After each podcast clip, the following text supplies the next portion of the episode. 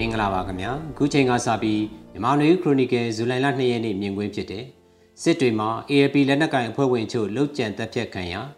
နေဆက်ရေးကိစ္စတွေနဲ့ပတ်သက်လို့အိန္ဒိယထိုင်းနဲ့စစ်ကောင်စီဆွေးနွေးဆိုတဲ့ခေါင်းစဉ်နဲ့ရေးသားဖော်ပြထားတဲ့မိုးမခဆောင်းပါးကိုဖတ်ကြားပေးသွားမှာဖြစ်ပါတယ်။ဆောင်းပါးမှာတော့ဇူလိုင်လ1ရက်နေ့ကစစ်တွေမြို့တက္ကသိုလ်သွားတဲ့လမ်းမှာရခိုင်ပြည်လွတ်မြောက်ရေးပါတီ ALP ရဲ့ဒုဥက္ကဋ္ဌနဲ့အခြားလက်နက်ကိုင်တပ်ဖွဲ့ဝင်2ဦးကို အရဲဝတ်ဝတ်ထားတဲ့သူတွေကပြစ်ခတ်မှုကြောင့်တေဆုံးခဲ့ရတယ်လို့သတင်းတွေမှာဖော်ပြထားကြပါတယ်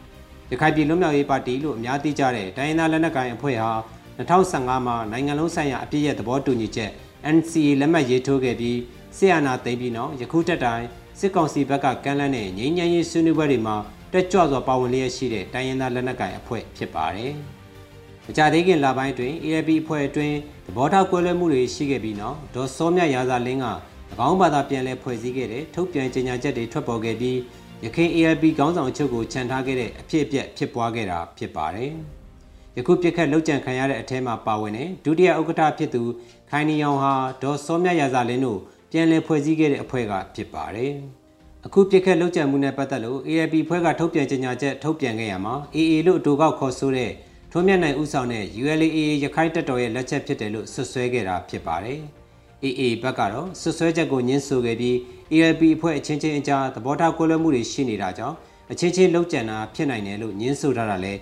သတင်းတွေမှာတွေ့ရပါတယ်။ယခုနှစ်ဇန်နဝါရီလလွတ်လပ်ရေးနေ့အထိမ်းအမှတ်အခမ်းအနားတက်ရောက်ခဲ့တဲ့ ALP ရဲ့ဒူဦးစီးချုပ်နဲ့အဖွဲ့ဝင်ချို့လည်းလုံးကြံပစ်ခတ်ခံခဲ့ရပြီးတည်ဆုံခဲ့တဲ့အဖြစ်အပျက်ရှိခဲ့တာဖြစ်ပါတယ်။အဆိုပါဖြစ်ရတဲ့အတွက်လည်း ALP က AA ရဲ့လက်ချက်ဖြစ်တယ်လို့ဆွဆွဲခဲ့ပြီး AA ဘက်ကတော့၎င်းတို့လက်ချက်မဟုတ်ကြောင်းညှင်းဆိုခဲ့ပါတယ်။ လက်ရှိအခြေအနေအရရခိုင်ပြည်နယ်မှာတိုင်းရင်းသားလက်နက်ကိုင်အဖွဲ့နှစ်ခုရှိနေပြီး ULAA အဖွဲ့ကတော့ ALP ထက်အင်အားအပြတ်သက်တာလွန်တဲ့အဖွဲ့ဖြစ်တယ်လို့ရခိုင်လူတို့ရဲ့ထောက်ခံမှုအများစုကိုရရှိထားတဲ့အဖွဲ့လည်းဖြစ်ပါတယ်။ ULAA အဖွဲ့အနေနဲ့ရခိုင်ပြည်နယ်ထဲမှာအခြားသောပြိုင်ဘက်လက်နက်ကိုင်အဖွဲ့တွေတည်ရှိနေတာသို့မဟုတ်ပေါ်ထွက်လာမှာကိုလိုလားပုံမရဘဲရခိုင်လူမျိုးအတွက်လက်နက်ကိုင်အဖွဲ့တစ်ဖွဲ့တည်းသာရှိရမယ်ဆိုတဲ့ခံယူချက်ကိုခံယူထားတဲ့သဘောလို့ကောက်ချက်ချရပါတယ်။ စစ်ကောင်စီနဲ့2018 19မှာတစ်ကြိမ်2022ခုနှစ်မှာတစ်ကြိမ်ပြင်းထန်တဲ့လက်နက်ကင်တိုက်ပွဲတွေဖြစ်ပွားခဲ့ပြီးနှစ်ဖက်လက်နက်ကင်အဖွဲ့တွေအပြင်ရက်သားတွေလည်းအများပြအသက်ဆုံးရှုံးခဲ့ကြတာဖြစ်ပါတယ်2018ကနေ2019ခုနှစ်အထိဖြစ်ပွားခဲ့တဲ့လက်နက်ကင်တိုက်ပွဲတွေအတွင်းကျေးရွာအများပြားကဒေသခံတွေစွန့်ခွာထွက်ပြေးခဲ့ရပြီးအချို့သောစစ်ဘေးရှောင်တွေအနေနဲ့ယခုထက်တိတိုင်း၎င်းတို့နေရက်ကိုမပြန်နိုင်ကြသေးတဲ့အဖြစ်အပျက်တွေလည်းရှိခဲ့တာပါ။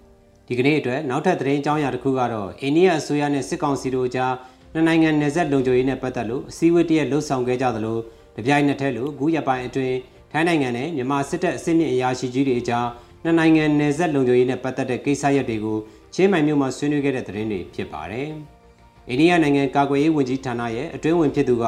မြန်မာနိုင်ငံနေပြည်တော်ကိုလာရောက်ခဲ့ပြီးစစ်ကောင်စီကာကွယ်ရေးဝန်ကြီးဌာနကအရာရှိကြီးတွေနဲ့တွေ့ဆုံခဲ့ကြတယ်လို့သတင်းတွေမှာဖော်ပြထားတာဖြစ်ပါတယ်။ အိန္ဒိယနဲ့မြန်မာစစ်ကောင်စီကြားနယ်စပ်ဖြတ်ကျော်ရာဇဝတ်မှုမူရစ်စေဝါကိစ္စနဲ့တစ်ဖက်နိုင်ငံကိုထိခိုက်စေနိုင်တဲ့အရာတွေကိုတစ်ဖက်ကခွင့်မပြုကြဖို့သဘောတူခဲ့ကြတယ်လို့သတင်းတွေမှာဖော်ပြထားကြပါတယ်။အိန္ဒိယနိုင်ငံအနေနဲ့အခုလက်တလောလူမျိုးရေးတိကရုံးတွေဖြစ်ပွားနေတဲ့မဏိပူရပြည်နယ်နဲ့မြန်မာနိုင်ငံအနောက်မြောက်နယ်စပ်ဒေသတွေမှာ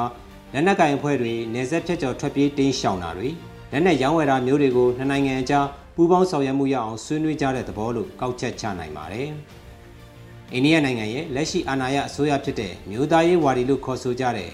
မိုဒီဦးဆောင်တဲ့အစိုးရနဲ့စစ်ကောင်စီတို့ကြားကောင်းမွန်တဲ့ဆက်ဆံရေးရှိပြီးမကြသေးခင်ကအိန္ဒိယဝန်ကြီးချုပ်ရဲ့ဝါရှင်တန်ခီးစဉ်အတွင်းမြန်မာနိုင်ငံနဲ့ပတ်သက်တဲ့ထုတ်ပြန်ချက်ကိုတော့နေပြည်တော်စစ်ကောင်စီနိုင်ငံခြားရေးဝန်ကြီးဌာနကကန့်ကွက်ခဲ့တာဖြစ်ပါတယ်။အဆိုပါထုတ်ပြန်ချက်ကိစ္စကလွှဲရင်တော့အိန္ဒိယနိုင်ငံအနေနဲ့မြန်မာဒီမိုကရေစီအင်အားစုလက်နက်ကိုင်တော်လှန်ရေးကိုဆွဲကင်ထားတဲ့ NUG အစိုးရတို့နဲ့ထိတွေ့ဆက်ဆံမှုထက် လက်ရှိနိုင်ငံအာဏာကိုချုပ်ကင်ထားဆဲစစ်ကောင်စီအစိုးရနဲ့သာထိတွေ့ဆက်ဆံမှုတွေလှုပ်ဆောင်နေတာလည်းဖြစ်ပါတယ်။အိန္ဒိယနိုင်ငံအနေနဲ့အာဏာသိမ်းထားတဲ့စစ်ကောင်စီကိုလက်နက်နဲ့ပတ်သက်တဲ့အစိပ်ပိုင်းတွေရောင်းချမှုရှိနေတယ်လို့လည်းကုလသမဂ္ဂအထူးတန်တမန်ဖြစ်သူရဲ့အစီရင်ခံစာမှာဖော်ပြထားတာဖြစ်ပါတယ်။မြန်မာနိုင်ငံရဲ့နောက်ထပ်အိန္ဒိယနိုင်ငံတနိုင်ငံဖြစ်တဲ့ထိုင်းနိုင်ငံနဲ့နယ်စပ်ဆက်ဆံရေးကိစ္စတွေမှာလည်းစစ်ကောင်စီအနေနဲ့ထိုင်းစစ်တပ်နဲ့ဓာတ်ရိုက်ဆက်သွယ်ဆက်ဆံမှုတွေပုံမှန်ရှိနေပြီးအခုရက်ပိုင်းမှာမြန်မာနိုင်ငံဘက်က ဒုတိယဗိုလ်ချုပ်ကြီးညွန့်ဝင်းဆွေတက်ရောက်တဲ့နှစ်နိုင်ငံနယ်စပ်ရေးကိစ္စတွေနဲ့ပတ်သက်တဲ့အစည်းအဝေးကိုဇွန်လ28ရက်ကနေ30ရက်နေ့ထိချင်းမိုင်မြို့မှာကျင်းပခဲ့တယ်လို့သတင်းတွေမှာတွေ့ရပါတယ်။ဒုဗိုလ်ချုပ်ကြီးညိုဝင်းဆွေဟာဆီယနာသိမ်းပြီးနောက်နှစ်နှစ်ချီရန်ကုန်စစ်တိုင်းမှုဖြစ်တာဝန်ယူခဲ့ပြီးယခုလက်ရှိမှာမွန်ကရင်ဒေသတွေကစစ်စင်ရေးကိစ္စရပ်တွေကိုတာဝန်ယူထားတဲ့ကားဆထမှုဖြစ်ပါတယ်။ထိုင်းနိုင်ငံနဲ့နယ်နိမိတ်ထိစပ်နေတဲ့ဒေသတွေမှာလက်နက်ကင်တိုက်ပွဲတွေပုံမပြင်းထန်လာနေသလို မြန်မာနိုင်ငံအလဲပိုင်းနဲ့အောက်ပိုင်းလက်နက်ကင်လှုပ်ရှားမှုတွေအတွက်လက်နက်ရရှိတဲ့အရင်အမြင့်အနေနဲ့မြန်မာနဲ့ထိုင်းနိုင်ငံနယ်နိမိတ်ထိစပ်နေတဲ့ဒေသတွေကိုအားထားနေကြရတာလည်းဖြစ်ပြီးစစ်ကောင်စီအနေနဲ့လက်နက်ဝယ်ယူတင်သွင်းလာတဲ့ကိစ္စရပ်တွေနဲ့နှစ်နိုင်ငံနယ်နိမိတ်မြင်းအနီးကနယ်စပ်အခြေကုပ်စခန်းတွေမှာတိုက်ပွဲဖြစ်ပွားတဲ့အခါနယ်နိမိတ်မြင်းဖျက်ကျော်မှုလေကြောင်းပြန်တက်မှုကိစ္စရဲ့လိုကိစ္စမျိုးတွေကိုဆွေးနွေးကြလိမ့်မယ်လို့ခန့်မှန်းရပါတယ်လို့ရေးသားထားပါတယ်ခင်ဗျာ။